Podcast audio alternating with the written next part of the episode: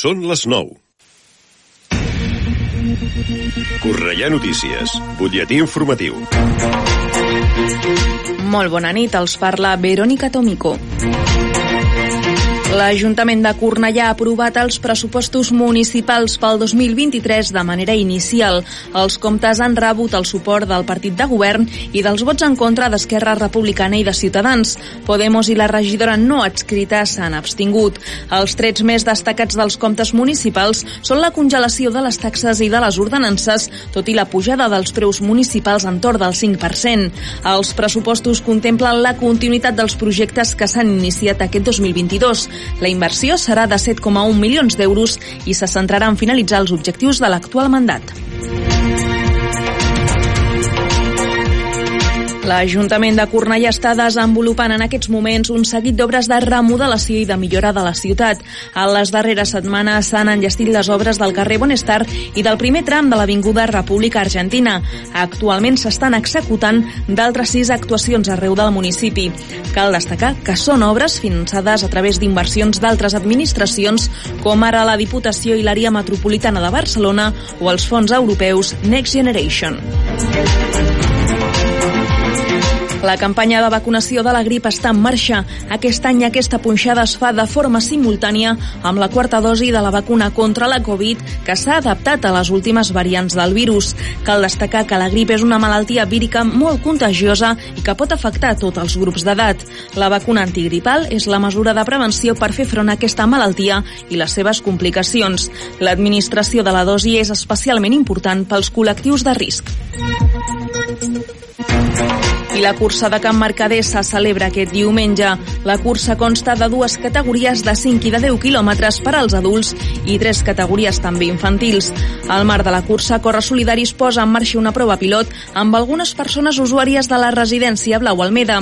Es tracta de la Rang, una activitat per fomentar l'esport inclusiu per a persones grans amb mobilitat reduïda. Les inscripcions s'han de fer a través del web corresolidaris.org. Fins aquí aquest butlletí informatiu. Poden seguir informats de l'actualitat de la nostra ciutat al Cornellà Notícies de la una del migdia, els butlletins horaris i a l'app i la web de Ràdio Cornellà. També trobaran les darreres actualitzacions i notícies al radiocornellà.cat i a les xarxes socials de la ràdio, Twitter, Facebook i Instagram. Ara el temps. Connectem amb l'Agència Estatal de Meteorologia. Bona nit. Demà divendres esperem una jornada a Catalunya sense grans canvis de les temperatures o amb lleugers descensos amb unes mínimes que seran de 13 graus a Lleida, de 14 a Girona, de 17 a Tarragona i de 18 a Barcelona, mentre que les temperatures màximes demà rondaran a les capitals de província els 29 graus a Lleida, els 27 a Girona, els 24 a Tarragona i la màxima serà de 23 a Barcelona. Per la resta esperem un dia de temps estable en general amb sols poc ennupolats, tot i que al matí i a últimes hores s'esperen intervals de núvols núvols baixos a zones del litoral i de l'extrem sud i també s'esperen intervals ennupolats a zones del Pirineu. També demà comptarem amb lleugera calitza a zones altes amb un vent que serà fluix i de direcció variable però amb predomini de la component est. És una informació de l'Agència Estatal de Meteorologia. L'informació de Cornellà. Més a prop, impossible. Ràdio Cornellà. 40 anys al teu costat. Bon vespre, són les 9 i un dijous més comença Atrapats en la Cultura.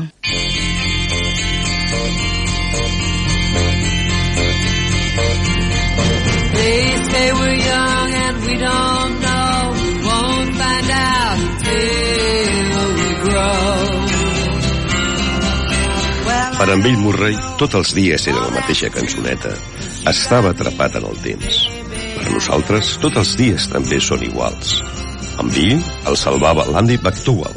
I a nosaltres, qui ens salvarà? La cultura, els llibres, el cinema, les sèries, l'art, l'oci, la gastronomia. Feu-nos cas i sentiu-vos atrapats amb la cultura. Amb la Cristina Guarro i el seu equip. I guess that's so we don't have a plot, but at least I'm sure of all the things we got. Babe,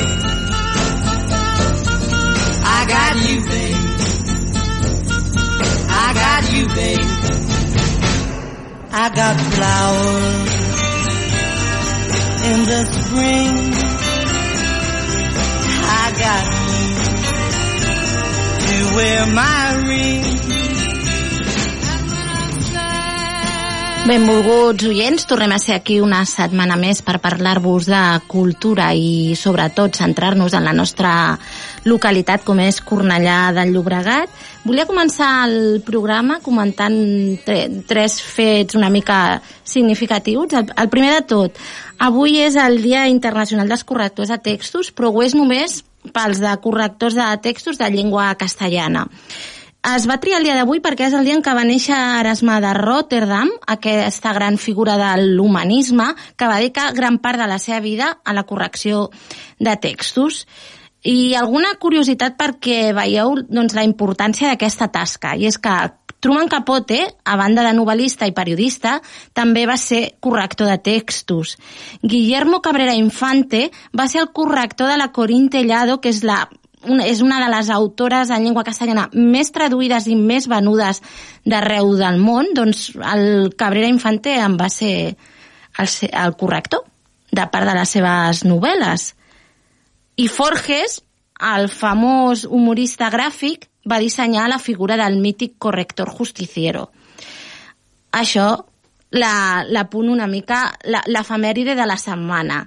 Després, un altre punt, i és que avui sembla ser que el senyor Núñez Feijó doncs, ha, tornit, ha tornat a, a fer una de les seves. No sé, jo cada vegada que parla eh, diria que el Mariano Rajoy és encara més espavilat que ell, perquè doncs, avui, llegint, perquè tot ho llegeix aquest home, doncs ha dit que George Orwell va escriure el, la seva famosa novel·la en 1984, l'any 1984. Eh, bé, com... O sigui, sí, inexplicable eh, que això va una mica en la línia del que deia el desaparegut Jesús Quintero, que es queixava que hi havia molta gent que abans, si tu no tenies cultura, doncs en certa manera és, era com un motiu de, de vergonya.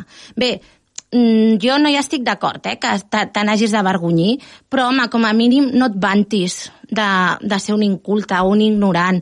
I pels que escriviu els discursos dels polítics, doncs, home, si aquest home no llegeix gaire, que les referències siguin seves, que les conegui. I simplement George Orwell va escriure el llibre eh, l'any 1949 i és que, a més, va morir molt jove, va morir l'any següent. O sigui que, per favor, els que escriviu discursos, remeteu-vos a les referències que puguin tenir conegudes als vostres els, o els qui dirigiu els discursos, els que els escriviu. I l'última, bé, no, ja no és anècdota, simplement que avui es coneixia el guanyador dels Premis Anagrama, eh, Anagrama, bueno, de l'editorial Anagrama, perdó, però els Jorge, l'Herralde de novel·la. Aquest any era la seva quarantena edició i el premi ha quedat desert perquè no hi ha hagut consens dins del jurat. Jo no sé què en penseu, llanço, llanço la pregunta, a veure, reflexioneu. Jo crec que podria ser una, és una bona mostra de reivindicar el premi, que, no? que un any quedi desert, cosa que no havia passat mai encara a la seva història, doncs, home, eh, una mica eh, connota no? que hi ha certa exigència per part de l'editorial, o sigui que tampoc com a estratègia comercial i de marca potser eh, no és tan mala, no sé, notícia. I vinga, com ja sabeu, hem passat aquests primers minuts comentant quatre cosetes. Nosaltres cada setmana comencem el programa amb l'agenda cultural de casa nostra i ja us aviso que aquesta setmana no hi ha gaire cosa perquè dimarts és dia 1, tots sants, i sembla ser que tothom se'n va de pont.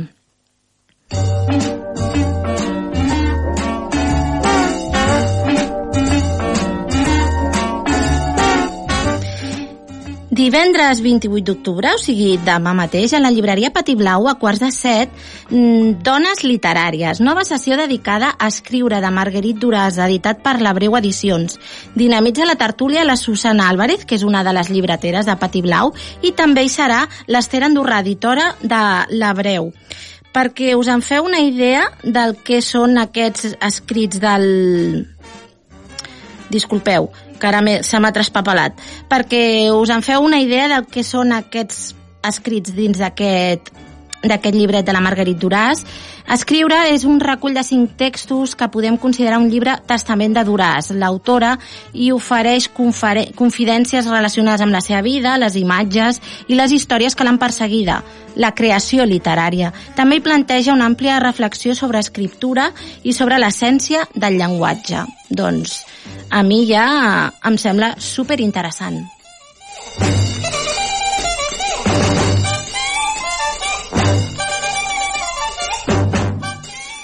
Vinga, i dissabte 29 d'octubre a les 10 de la nit, castanyada japonesa a l'Orfeó Catalònia.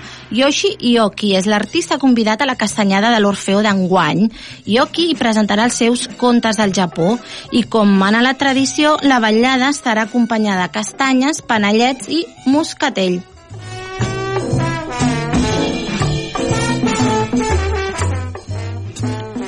Diumenge, 30 d'octubre, a les 11 del matí, al Palau Can Mercader, Contes per adults. La sessió començarà amb la presentació en exclusiva del retaule de la Verge de Guadalupe del Museu Palau Mercader. Tot seguit, la ru, oh, rondallaire, per, disculpeu, Marza Escudero us explicarà quatre històries incloses a Retablos Mexicanos de l'escriptora i dramaturga mexicana Norma Román Calvo, una adaptació plena d'humor dedicats als miracles que van portar els seus protagonistes a agrair els favors de la Verge amb un exvot pictòric. És una eh, activitat gratuïta per la qual cal inscripció prèvia trucant al telèfon 93 474 51 35 en horaris de dilluns a divendres de quarts de 10 a 2 del migdia. També podeu escriure un e-mail a patrimonireserves arroba aj-cornellà.cat.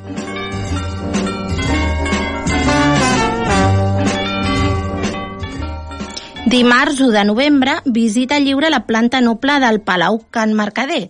Gaudiu d'alguns espais de la planta noble al vostre aire. Aquesta visita es fa sense guia. Si porteu els vostres auriculars, podreu gaudir de l'audioguia del museu als vostres mòbils. Aforament reduït, no cal reserva.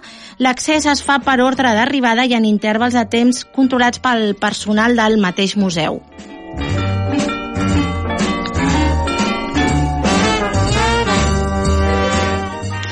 I fins al 2 de novembre l'espai d'exposicions satèl·lit art a través del cristal d'Isabel Marlene Pérez González. Isabel Marlene Pérez González, nascuda a Cuba, és una artista de formació autodidacta que resideix actualment a Cornellà. En intentar recordar els seus, els seus anys passats a la ciutat de l'Havana, Marlene reobre les seves finestres a través del seu cristall surrealista. Compartirà amb la ciutat obres plenes de color, llums i records de la seva ciutat natal a través dels vidres de l'espai d'exposicions satèl·litar del Centre Cívic Sant Ildefons. Amb les seves més de 12 obres, aquest, aquesta exposició transmet el paisatge tropical il·luminat pel sol del Carib i imatges dels carrers amb les seves gens. Encara que per les temperatures no us sembli,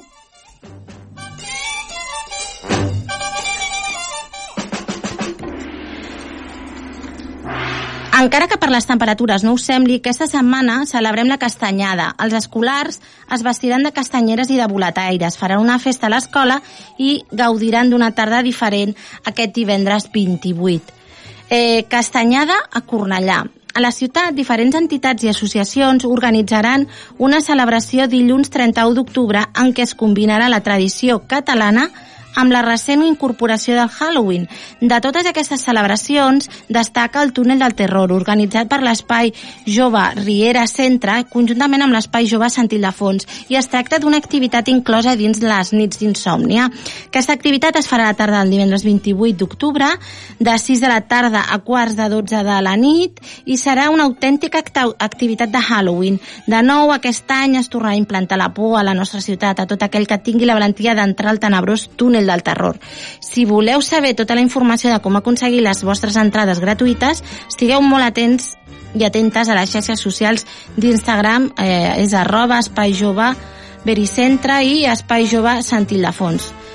Després, eh, cadascun dels de les diferents llars de cornellanencs doncs, organitzaran en la majoria dels casos una combinació entre les tradicions catalanes i les més les més yanquis. Això ja a gustos personals, eh? Sí que és cert que la castanyera per... A veure, ho té difícil, eh? Per competir contra el Halloween, que, que hem de dir. A les esglésies del municipi hi haurà misses especials per tots sants i els difunts i el cementiri de Cornellà també tindrà un horari especial aquest cap de setmana per facilitar la rebuda a les famílies que volen deixar flors a les tombes dels seus difunts. Aquest horari extraordinari serà del dijous 27 d'octubre al dimarts 1 d'octubre, horari continuat de, de quarts de 9 del matí a 7 de la tarda. Les biblioteques de Cornellà també han preparat una programació especial relacionada amb la celebració d'aquest cap de setmana. Dimecres 26 d'octubre, això ja està passat, o sigui que endavant, i divendres 28 d'octubre a les 6 de la tarda a la Biblioteca Teresa Pàmies es farà la lectura d'un conte en anglès amb una història d'aventures i fantasmes per celebrar el Halloween. En resum, us agradi o no la tradició catalana o l'americana, la vida està per gaudir-la i celebrar-la. O sigui que amb un panellet potser i una mica moscatell, millor que millor. Va, continuem amb el programa d'avui.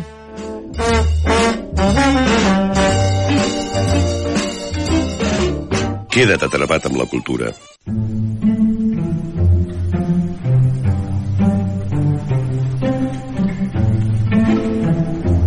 Els llibres que em fan feliç, parada rock.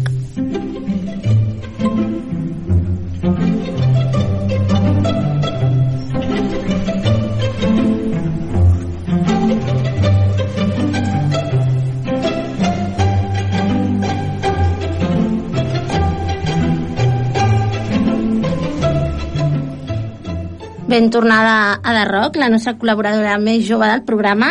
Bona Hola, nit. Bona nit. Què tal? Bé, Què ens portes avui? De què parlaràs? uh, avui es parlaré del llibre de déus mitològics, mitologia per a nens. Qui, qui és l'autor o autora? Eh, Víctor Sabe, Sabeté. Sabater. Sabater. I de la- l'editorial, quina és? Banayotra Aclopas S.Ls. I què? Aquí Recoma- està, aquí està recomanat o Eh, quines edats? A partir de 7 anys. Va, molt bé. I té 72 pàgines. Ah, o sigui que això es llegeix amb un sospir. Sí.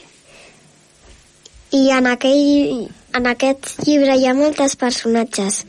Per un costat els déus i deesses de l'Olímpic i per l'altre costat titans, els déus que més m'agraden són Leto, perquè és la deessa de la maternitat i, i estimo molt a la meva mami. Ah, Aquest és un missatge d'amor, no? Per la mama? Sí. Eh, Iris, m'agrada molt perquè és la deessa de l'arc de Sant Martí. Metis, perquè és molt prudent i molt maca. Selena, perquè és la deessa de la lluna. Hades, perquè és el deus de l'infern i és una mica trapella. Ah, aquest t'agrada, eh? I Gea, perquè és la deessa de la terra. I on està ambientada la història? On passa? A l'Olímpic. A l'Olimp. Molt bé. I què, què, què passa en aquestes 72 pàgines? Eh, al llarg del conte passen petites històries juntes de la mitologia grega. És a dir, ens explica característiques de cada déu o deessa de, i de cada titan o titana. titana. I la relació que hi ha entre cadascú d'ells i elles, si són família, amics o enemics. O sigui que ens expliquen una mica de tafaneria, no? De xafardeix. Sí. Eh? A veure, i què, del desenllaç en podem explicar alguna cosa? Mm, sí, cada història dels déus o titans té un desenllaç diferent, tots ells molt interessants. Ah, ja ve, em sembla a mi que el llibre t'agrada molt, molt, molt. Quina és la puntuació? Sí. Eh, 10 d'un 10, ja que vaig gaudir molt amb la lectura del conte. El llibre... Em... Ah, vale. Sí, sí, sí, digues. Què, què El volies llibre- dir del llibre? El llibre em recorda una colla d'animals perquè cadascú és diferent. Sí, com una granja, no? Hi ha una mica de tot. Poti, Sí. poti, poti, poti. Que hi ha alguna cosa més que, que t'hagi, no sé, suggerit o vulguis comparar amb alguna altra cosa? pues el color m'ha suggerit l'arc de Sant Martí perquè hi ha molts colors. Ah, per la diversitat una mica de la, de la qual parlaves, no? Sí, I què, t'ha fet sentir algunes coses, el llibre? sí, que puc tenir un cap molt imaginat ni cine. Uau, imaginació al poder. Sí. I per acabar us desitjo molta sort i que gaudiu del conte. Feliç lectura. Bona nit, Ada. Bona nit.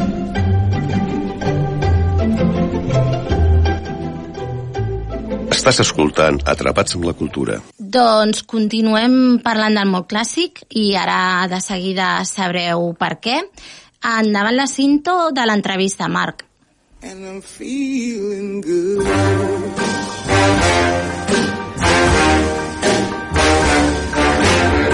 L'entrevista. You know how I feel.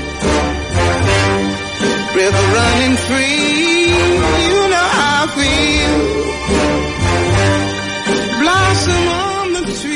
Doncs avui ens acompanya una amiga estimadíssima, ben tornada, Laura Mas. Bon vespre. Bon vespre, Cristina, estimada. Quina Ja. il·lusió tornar a casa. Sí, ja, ja no sé ni com presentar-vos, eh, com presentar-te, dic, perquè, clar, avui vens com a autora, però també has fet col·laboracions amb nosaltres. Sí, és veritat. És veritat, és veritat. De tant en tant eh, comentem algun llibre, dels darrers diria que eren poemaris. Uh. Pizarnik, no?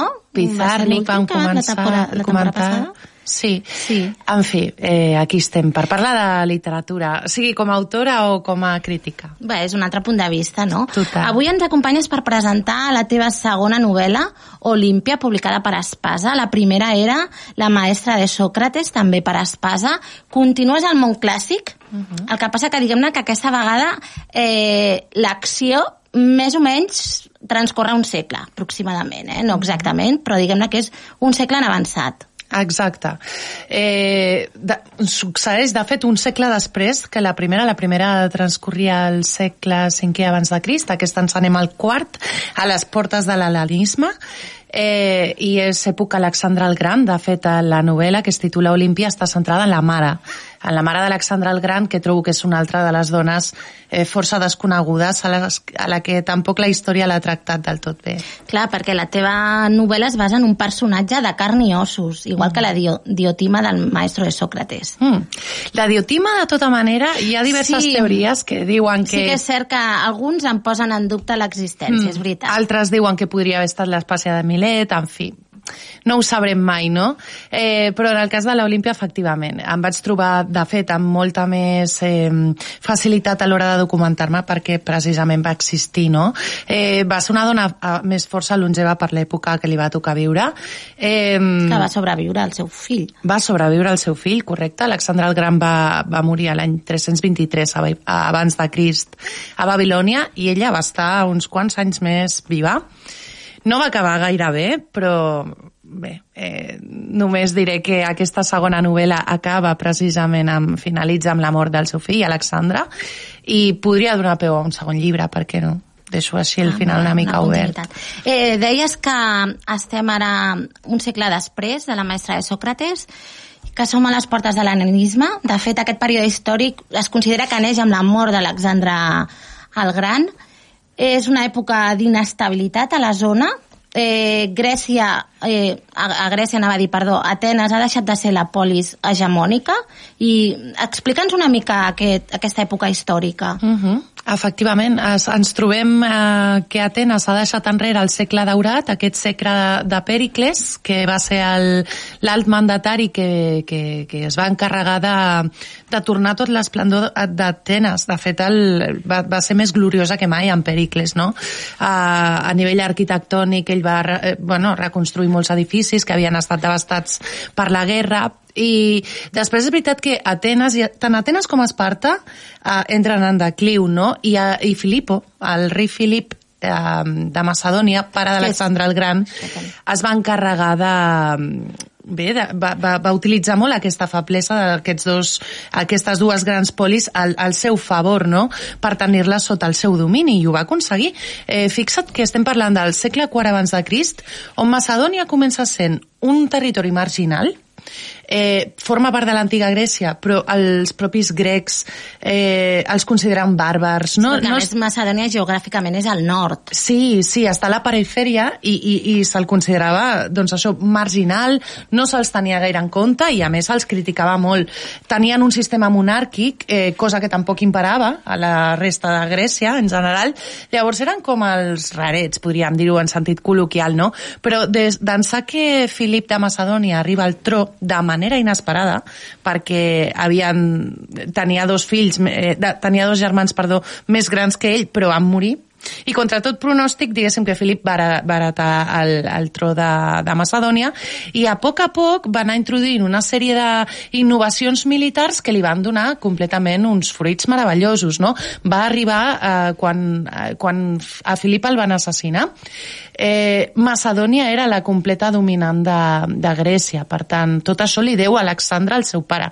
Jo sempre estic dient també que Alexandre el Gran no seria el gran conqueridor que ens ha arribat als nostres temps, no només per la mare, sinó també, òbviament, per, tota, per tots els mèrits del, del seu pare, el Filip. Home, perquè, en certa manera, Alexandre el Gran és el continuador del, del que anava a dir de l'obra, però, diguem-ne, de les gestes del seu pare. Sí, a més, el seu pare ja va fer passes endavant de cara al, a, la, a la conquesta de, de l'imperi persa, no? Eh, no, va, no va ser pioner Alexandre el Gran. Òbviament, Alexandre el Gran, la seva conquesta la va portar a, a, a millor port, van estar, de fet, 11, eh, 11 anys l'exèrcit grec i Alexandre eh, batallant allà, però, però el seu pare va ser realment qui va posar la, la bona llavor, no? Eh, qui li va, eh, doncs, doncs, deixar lliure el, el terreny. Així que Filip és un personatge molt interessant. Òbviament té, té una part molt fosca. Estem... Com tots, eh? Sí, clar. És que saps què passa? Que quan llegeixes coses d'aquelles èpoques i, i no, no et saps separar de la visió actual, és molt difícil comprendre com actuava la gent, com pensaven tant homes com dones, no? Perquè eh, les dones també acceptaven aquesta submissió, la majoria d'elles. Vull dir, costa de, costa costa de creure, però clar, van, si neixes amb aquest context històric i amb aquestes creences, doncs... Però això passa molt com, per exemple, sempre t'expliquen en les classes d'història que a Grècia es va inventar la democràcia. I dius, home, una democràcia molt limitada. Sí que és sí. cert que és una idea eixamplada segles després, però mm, matisada, no? Home, Com bé dius, amb un, que ho hem de mirar amb uns ulls que no són els del segle XXI. No, no, sens dubte, sens dubte. Si et sembla, anem a centrar-nos en la nostra protagonista d'aquesta història, de la Olímpia, Olímpia que comença dient-se Polixena, després Mírtale. Ens expliques una cosa, era habitual aquests canvis de nom? Uh -huh. Mira, amb, amb, les, amb les dones i els homes de, de, de la jerarquia d'un rang elevat com, com podia ser el d'ella, eh, ella, ella va ser reina però venia de la regió propera veïna, de fet de Macedònia, la Pir, i ella era princesa, ella era filla de reis, per tant eh, sempre va ser de sang blava, diguéssim, no? Eh, I sí, quan, quan succeïen aconteixements import, esdeveniments importants o, o simplement per la pròpia voluntat, doncs es podien canviar el nom. Eh, era una cosa, sí, que crida l'atenció, no? Potser, però per ells era com una manera de de marcar una, de que marqués un abans i un després a les seves vides. Fixa't que això ho podem dir perquè succeeix en les primeres pàgines del llibre, quan fa el canvi de Polixena a Mirtale, és quan ella, d'alguna manera, uh, deixa, deixa enrere la infantesa i l'adolescència més innocent en, en un temple, en un santuari de Samotràcia molt a més, molt, bueno, molt, molt, molt mistèric no? i màgic. Uh, després eh, torna a canviar, uh, es canvia de Polixena a Myrtale, però després de Myrtale a Olímpia uh, ho fa uh, com a, per honorar la, la victòria del seu, del seu espòs, del Filip, als Jocs Olímpics, no? una carrera de cavalls concretament.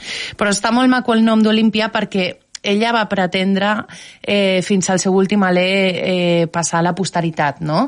mitjançant eh, la supervivència de la seva dinastia, això ho podia fer a través del seu fill Alexandre el Gran, eh, i, i Olímpia, clar, té a veure amb l'Olimp, no? aquell Olimp on, on, on moraven els, els déus. déus. Llavors és, és molt maco que ella triés aquest nom perquè li escau perfectament i t'he de dir que això no surt al llibre perquè acaba amb la mort d'Alexandre el Gran, però justament quan mor el seu fill ella torna a canviar el seu nom i passa a ser Stratonice. Amb aquest ja acaba la seva vida.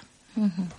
Eh, Explica'ns una mica com, era, com vivien les dones en aquella època. Les dones de certa classe social, en aquest cas, i aquí ja estic introduint un altre concepte del segle XIX-XX, que és eh, la classe social, però les dones, eh, diguem-ne, poderoses. Mm -hmm. Perquè quan Olímpia coneix la seva sogra, que és Eurídice, li diu que ella es dediqui a la religió, com que era els seus afers, no? Mm -hmm. eh, com era un dia, el dia, un dia a Palau?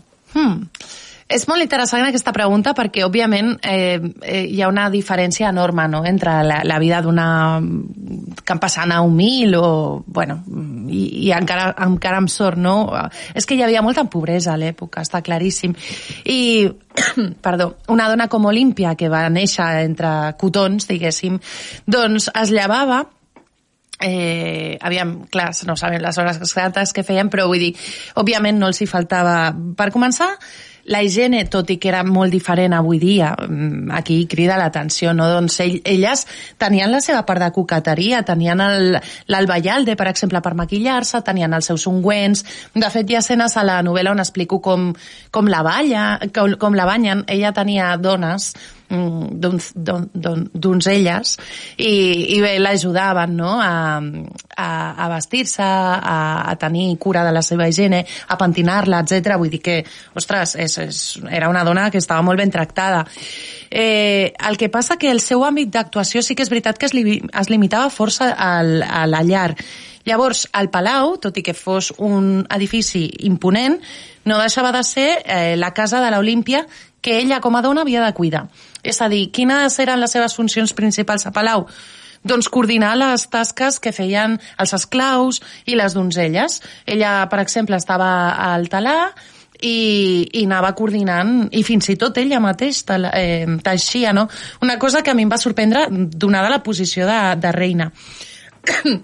He de dir també, Cristina, una cosa interessant que a aquella època no existia la figura de reina. És a dir, el, el, el, de fet, el, el llibre mai esmento la paraula reina.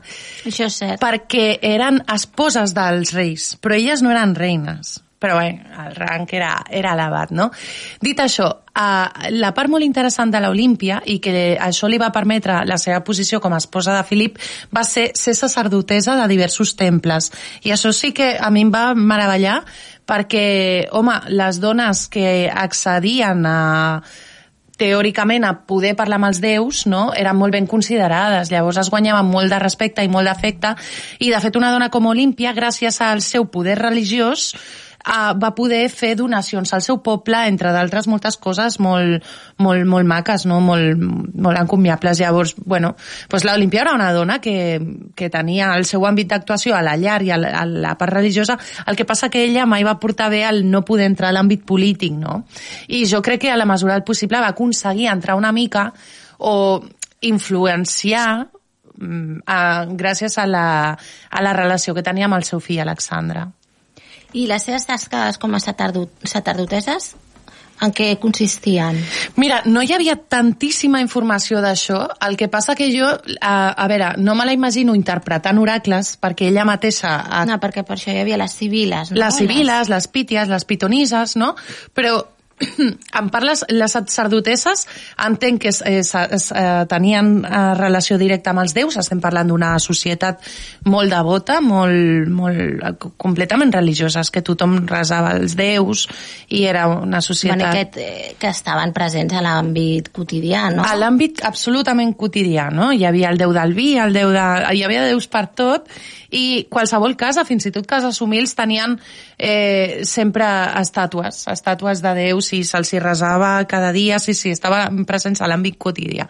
I, de fet, eh, per fer consultes quotidianes també la gent anava a l'oracle. Um, el més conegut és el de Delfos, però, per exemple, Olímpia va créixer a Dodona, que és una ciutat de, de l'Epir, d'aquest regne seu natal, i eh, a Dodona hi havia el segon mm, oracle més important de, de l'època, l'oracle de Zeus. Així que uh, ben bé no sabem quines eren les tasques de l'Olímpia, però entenc que mm, podria ser fins i tot un, un, un rang, no? T'anomenem sacerdotesa, això et dona peu a eh, poder, fins i tot, no sé, imagino que atendre la gent, eh, els ciutadans que, que visitessin els temples quan ella passava, no sé. Li donaria, mm, bueno, més... Estatus, Més no? estatus, sí, però clar, ella no tenia la capacitat eh, entenc que no tenia la capacitat de parlar amb els déus, tot i que a la meva novel·la com hi havia tant de... Sí, i hi ha testimonis antics com el de Plutarc que ens diuen coses tan místiques que jo les utilitzo per a vegades de manera onírica, a vegades a, a través de del- de l'elixir de Dionís, el vi, no? Doncs utilitzo aquests elements per, per, per crear aquesta narrativa així molt en contacte diví, no?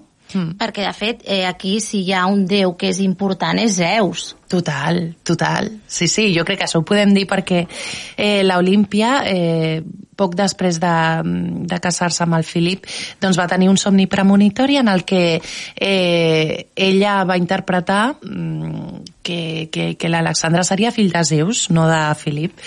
Uh, el somni somiava que li queia un, un raig al ventre, si no m'equivoco, i bé, una sèrie d'elements que gràcies a la interpretació, a més d'una diví seu de confiança, doncs van arribar a aquesta conclusió. I és curiós perquè es veu que això és cert, que ella va créixer amb la, cer amb la certesa de que l'Alexandra era semidiví, no?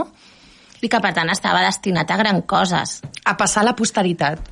De fet, l'Alexandra, tu saps perfectament, amant d'Homer, no?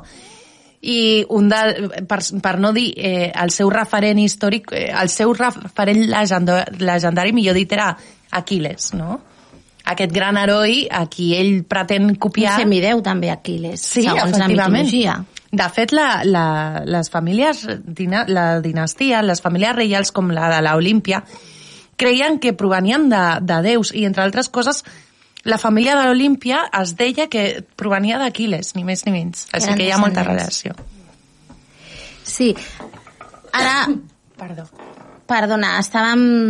Ara ja el te, la teva tos m'ha fet... Perdona, M'ha fet Cristina. ara al cap la següent pregunta, perquè era relació M'estava que- aguantant una bona sí, estona. no, no, tranquil·la, ja, ja t'he vist que... A veure, has començat, doncs mira, anem per aquí, has, començat, has mencionat a Plutarc com una de les fonts, i és que de fet al teu llibre, a l'apèndix, hi ha un glosari per entendre millor algun de, dels termes que hi fas servir, i després acompanyat de bibliografia que, si no recordo malament, és més extensa que la maestra de Sòcrates. Diria que n'hi ha una és, mica... és probable, és probable pel que et deia d'haver trobat més informació, ni més ni menys. Hi ha llibres que es repeteixen, que vaig aprofitar perquè, clar, Clar, per sí, la maestra sí. de Sòcrates, la recreació de l'antiga Grècia, no tal, i eh, va, per Va, sort va haver-hi Homer molts llibres que em van ficat. servir, clar. I d'altres que, mira, jo sempre... És que li he d'agrair molt al Juan Carlos Chirinos, em ve molt de gust esmentar-lo perquè s'ha convertit ja en un, bon amic. Bé, de fet, el menciones els, els, els Sí, agraïments. el primer, el primer perquè jo, quan vaig tenir clar que volia novel·lar la vida d'aquesta dona, eh, vaig veure que ell havia escrit un assaig que tenia molt bona pinta i recomano moltíssim, que es titula La reina de los cuatro nombres. Eh, publicat per Bodon Ediciones, si malament no recordo. El cas és que està descatalogat, per desgràcia, però tenia molt bones ressenyes, tal, i jo...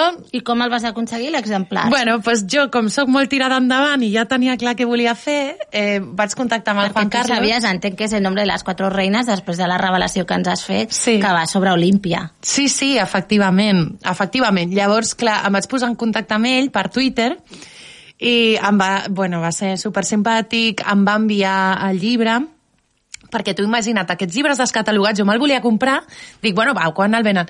Lo mínim eren com gairebé 300 euros per un llibre, eh, o pa- així. a mi em passa amb alguns que també estic Gairebé estic 300 euros, perseguint. no, no, no podia ser. I sí, sí, jo... Sí, també em passa que dius, home, doncs no. Ja, i clar, eh, ell, bueno, ell va tenir l'amabilitat no només d'enviar-me el llibre, sinó que quan vaig acabar... mm, Eh, eh, I ja et dic, aquell llibre va ser molt revelador, eh, perquè ell mm, abans comentàvem diferència entre novel·la i assaig. Jo escric més per, bueno, hi ha, hi ha moltes coses que, que, que, que van succeir, eh? però clar que hi ha part de ficció, hi haurà Ah, gent perquè que... fas una novel·la, no estàs fent assaig o divulgació. Exacte, no? I llavors, qui vulgui eh, aprofundir molt la, la figura d'Olímpia, jo recomano l'assaig del Juan Carlos Chirinos, que és meravellós, que a mi em va permetre molt conèixer la complexitat d'aquesta dona, que era una dona amb una personalitat molt forta, però jo també dic que en certa manera vulnerable, no? Hi ha moments que viu molt durs, de soledat, es trenca...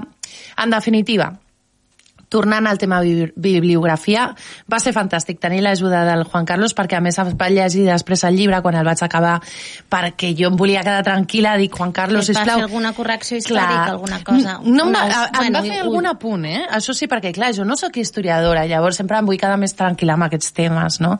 I va ser un encant. De fet, a Madrid em va presentar fa poc el llibre Ah, que bé. i, bueno, és que a, a, a vegades a la vida et trobes a gent molt generosa, no? I això és molt maco, la veritat. Jo una de les coses que m'ha cridat més l'atenció d'aquesta bibliografia Mm. és que, eh, que és com molt heterogènia, no? Perquè hi surt Homer, hi ha Plutarc, que aquí ja hem mencionat, però de fet Plutarc és una font terciària, vull dir, perquè Total. ni tan sols va ser eh, testimoni directe, ni, vull dir, amb ell és el que li arriba, no? Mhm. Plutarc té això que és de meravella, aquestes, les vides de los 12 cèsares i... Sí, vides paral·leles. Sí, les vides sí. paral·leles que va comparant els, els Cèsars de l'època Sí, sí, ja sí. romana amb els amb líders grecs, diguem-ne, i hi ha, aquesta, ha el retrat aquest de- d'Alexandre. Mhm. I després, clar, tens clàssics de- d'estudiosos del període clàssic, com és el Carlos García Gual, Bueno, que, que és, aquest és una un- eminència, és una eminència. i el Bernet, que té aquest llibre meravellós de mitologia. Total, i em sembla I que... m'acabes tam- de descobrir ara.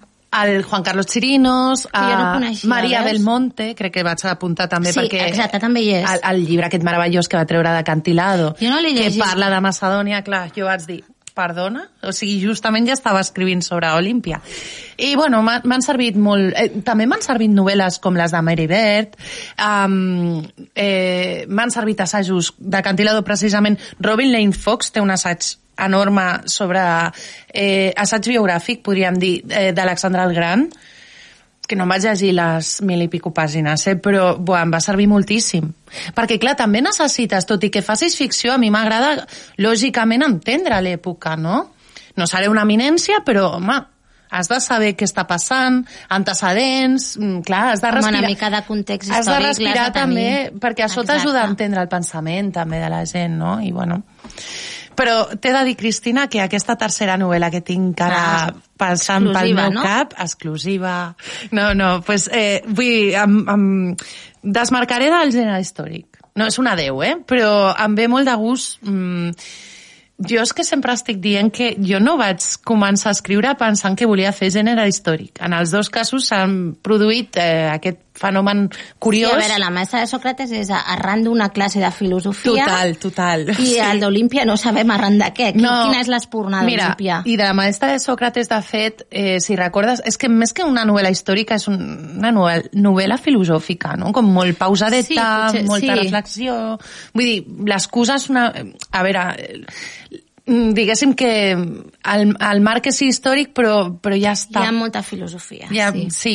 I aquesta potser és més històrica, però tampoc és una novel·la històrica a l'ús. No, perquè no hi ha un munt de dades, per exemple, no. tampoc. Clar, i a mi, jo m'estic adonant, dic, és que clar, jo suposo que és... Jo no sé, eh, no sóc una autora de novel·la històrica. Si em preguntes, pensaria fins i tot, ui, potser sóc una mica impostora, no? Perquè no, no he crescut llegint moltíssimes novel·les de gènere històric, sí que n'he llegit, lògicament, però vull dir que el que vinc a dir que no tenia jo aquesta idea al cap i, lògicament, no em vull encasellar, vull dir, sempre voldré estar al servei del tema o del personatge o personatges pels, dels que vull escriure. Això s'ha donat així perquè eh, això va ser, mira, l'Olímpia va arribar mm, navegant per les onades de l'antiga Grècia sense anar més lluny. Perquè, clar, sí que és veritat que eh, la primera novel·la em va donar aquest interès absolut d'aquesta cultura. I em vaig enganxar, vaig seguir llegint eh, i llegint i llegint i llegint i vaig anar per a, amb l'Olímpia. I l'Olímpia tenia una supernovel·la, o jo ho considerava d'aquesta manera. Eh, I llavors em vaig animar. Però fins aquí hem arribat per ara. I també, per exemple, no sempre vull fer novel·les protagonitzades per dones, vull dir, no, no vull en, en, encasellar-me amb totes aquestes coses. I, i t'avanço que faré una cosa molt contemporània amb aquesta tercera. Això és l'únic avançament que ens pots donar. No, i molt personal, molt Ah. personal meva. Molt personal meva, contemporània...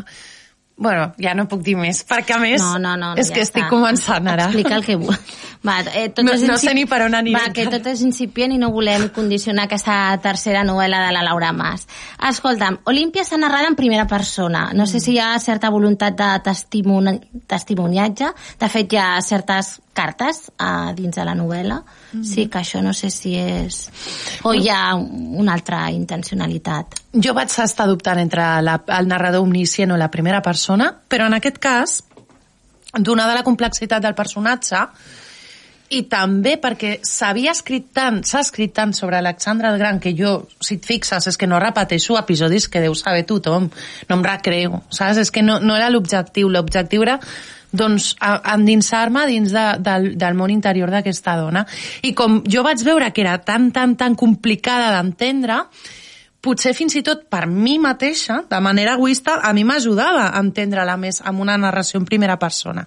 I també, lògicament, sempre penso que has d'estar eh, pensant en els lectors i les lectores i trobo que la narració, no sé si estàs d'acord, però a mi la narració en primera persona amb llibres d'aquesta mena, que estan molt centrats només en un personatge, que no és novel·la coral i tal, am, am, am, am, a- és que em resulta molt més proper. Una narració en primera persona t'estan parlant com més a cau d'orella. A mi em fa aquesta sensació, no? I aquesta història, justament, per mi, bueno, era més encertada aquesta, aquesta narrativa. Jo et, et comentava això perquè la, la vivia com més allò de pre- pretendre donar testimoni, no? Mhm. Com si hagués cert tot d'un punt de vista, no?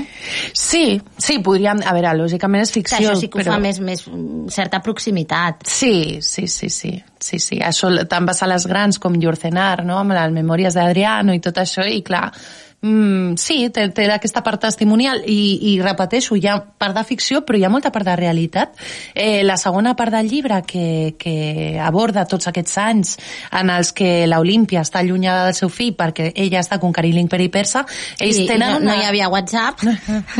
No, tenen una relació epistolar, però clar, és complicadíssim. Per mi va ser molt complicat també escriure això, perquè hi havia un desfase temporal molt gran, no? I a vegades trigàvem mesos entre eh, rebre una carta i l'altra, i moltes de les missives es perdien, perquè clar, els pobres missatgers, tu imagina't amb les condicions deplorables que havien de recórrer el que era en aquell moment gairebé de punta a punta del món, no? el que ells consideraven de punta a punta del món, amb unes condicions horribles. No?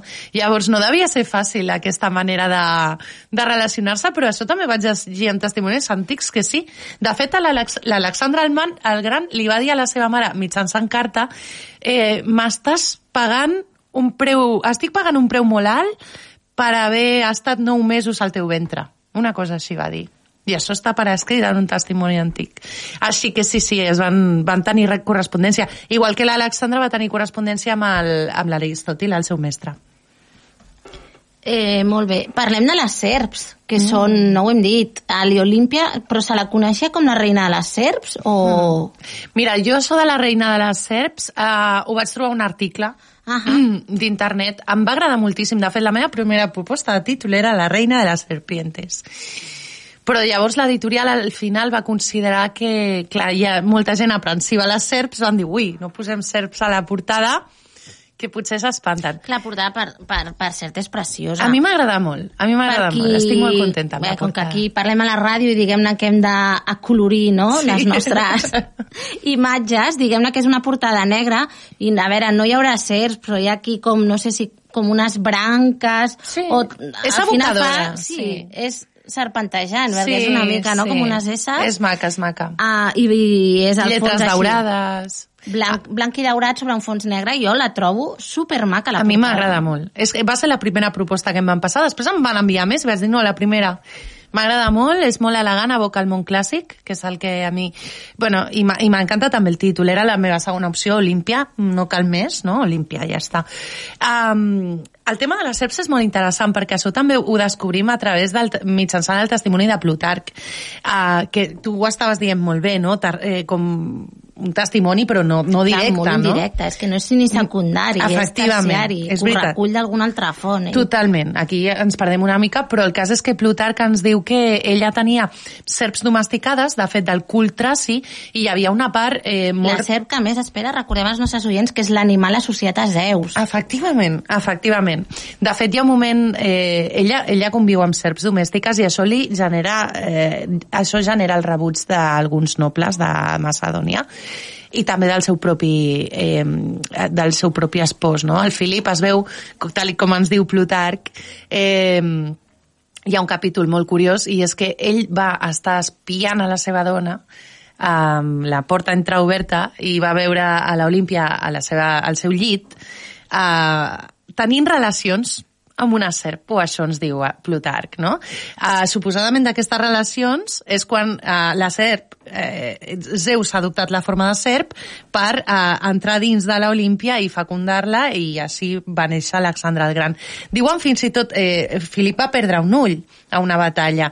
Doncs eh, diu la llegenda que va perdre, aquest, eh, va perdre el mateix ull amb el que va espiar la seva dona. Això és bastant interessant, força iverosímil, és lògicament. com un càstig diví, no? Sí, de fet diuen que van a l'oracle, eh, crec que aquest va ser el de Delfos, i, i la Pítia de Torn, la, la pitonisa, li va dir que, va, que perdria l'ull amb el que va espiar la seva dona.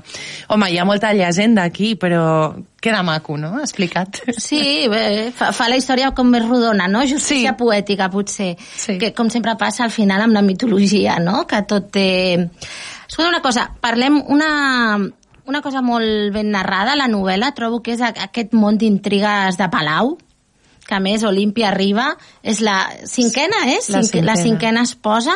Ella està convençudíssima que serà la mare de l'hereu de Filip, malgrat que hi ha uns altres fills barons ho, a, a veure, ho acaba aconseguint, però el món aquest de, que t'has d'anar vigilant les esquenes, Sí, sí, sí. És que allà no hi havia...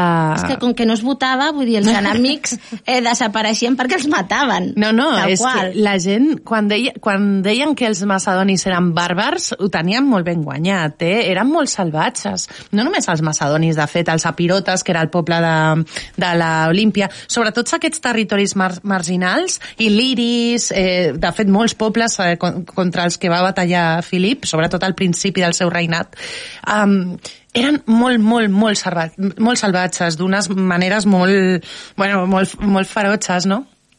I, i l'Olímpia eh, no va fer una cosa diferent a la que feien els homes del seu temps. Sí que va, va guanyar-se mala fama per la seva ambició, però clar, és que ella tenia la mateixa ambició que qualsevol altre home i sense ànim de desvetllar gaire cosa, el que sí que puc dir és que clar, a vegades arribaves al límit de que o mataves o et mataven. Llavors, per com tu deies, que- que havies de havies cuidar molt bé les teves esquenes. No era fàcil.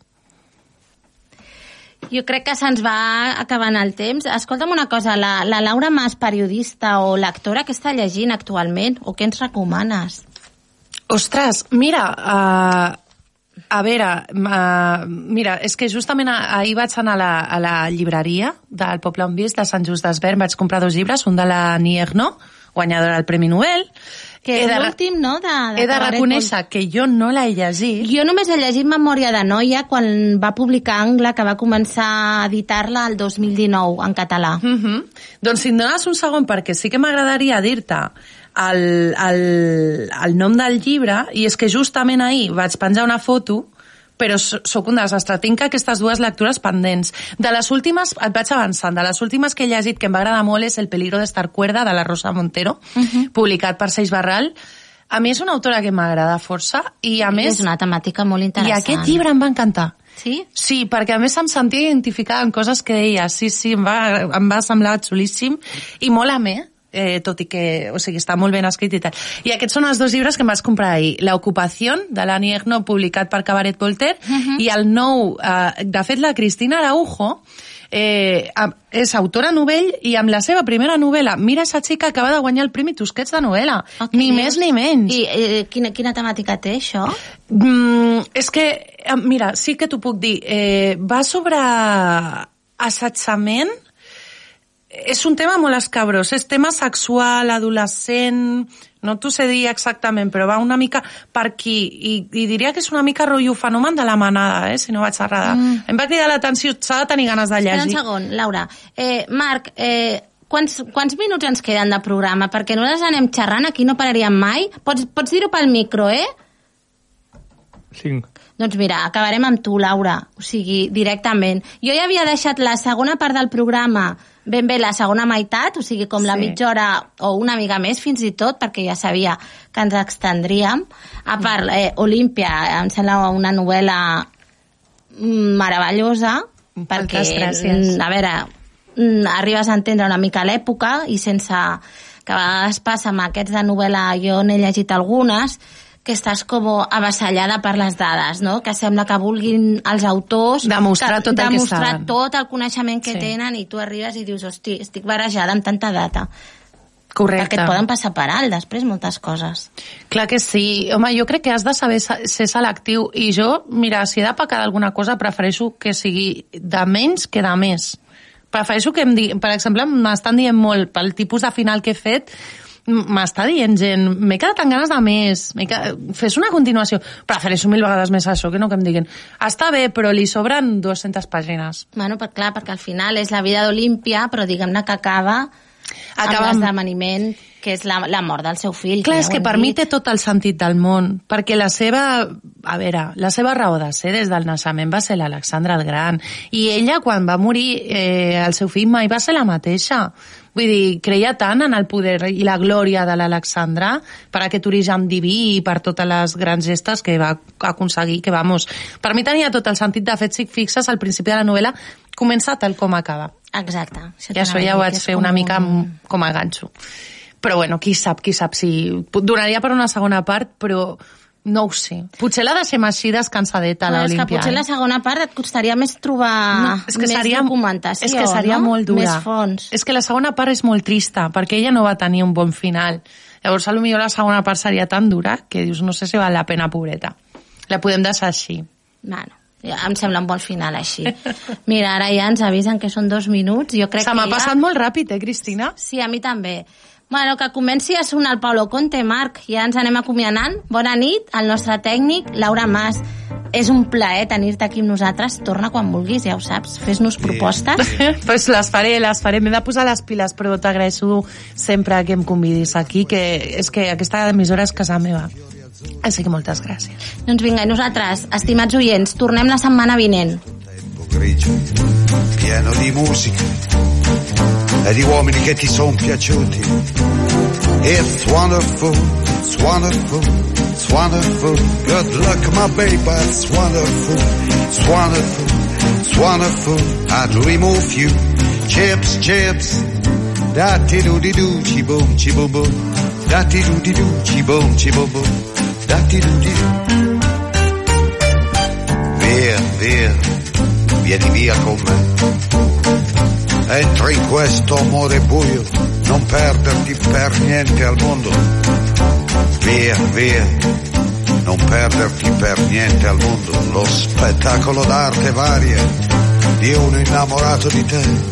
It's wonderful, it's wonderful, it's wonderful. Good luck, my baby, it's wonderful, it's wonderful, it's wonderful. I dream of you, chips, chips, chips. Da di do di do, chi boom, chi boom boom. Da di do di do, chi boom, chi boom boom. Da di do di do.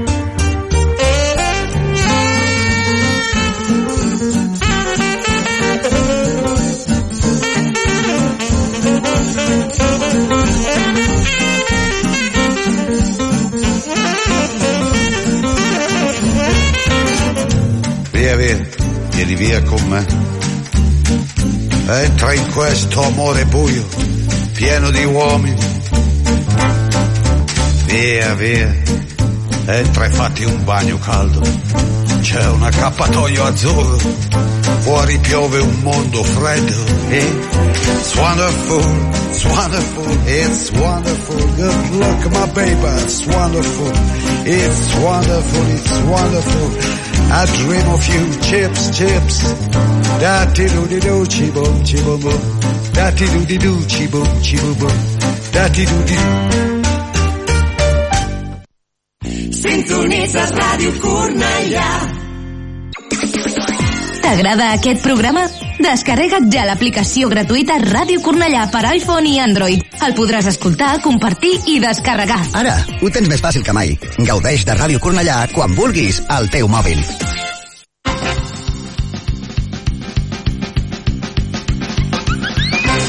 De més enllà, viatgeu amb nosaltres cap a un món de músiques. Connecta't amb De Més Enllà cada diumenge de 5 a 7 de la tarda a Ràdio Cornellà amb Jordi Garcia.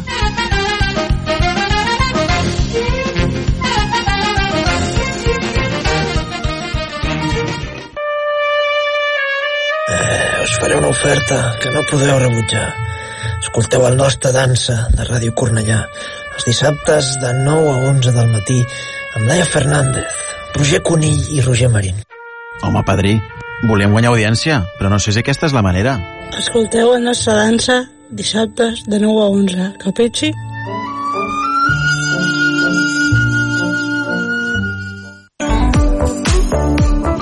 Jordi Évole, periodista.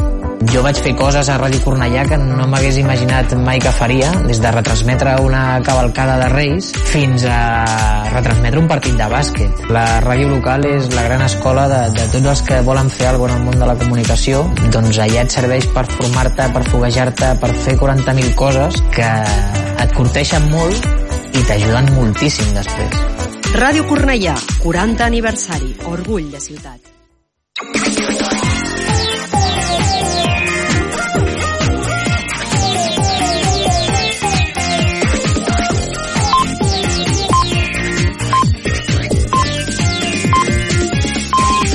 Són les 10. Correia Notícies, butlletí informatiu.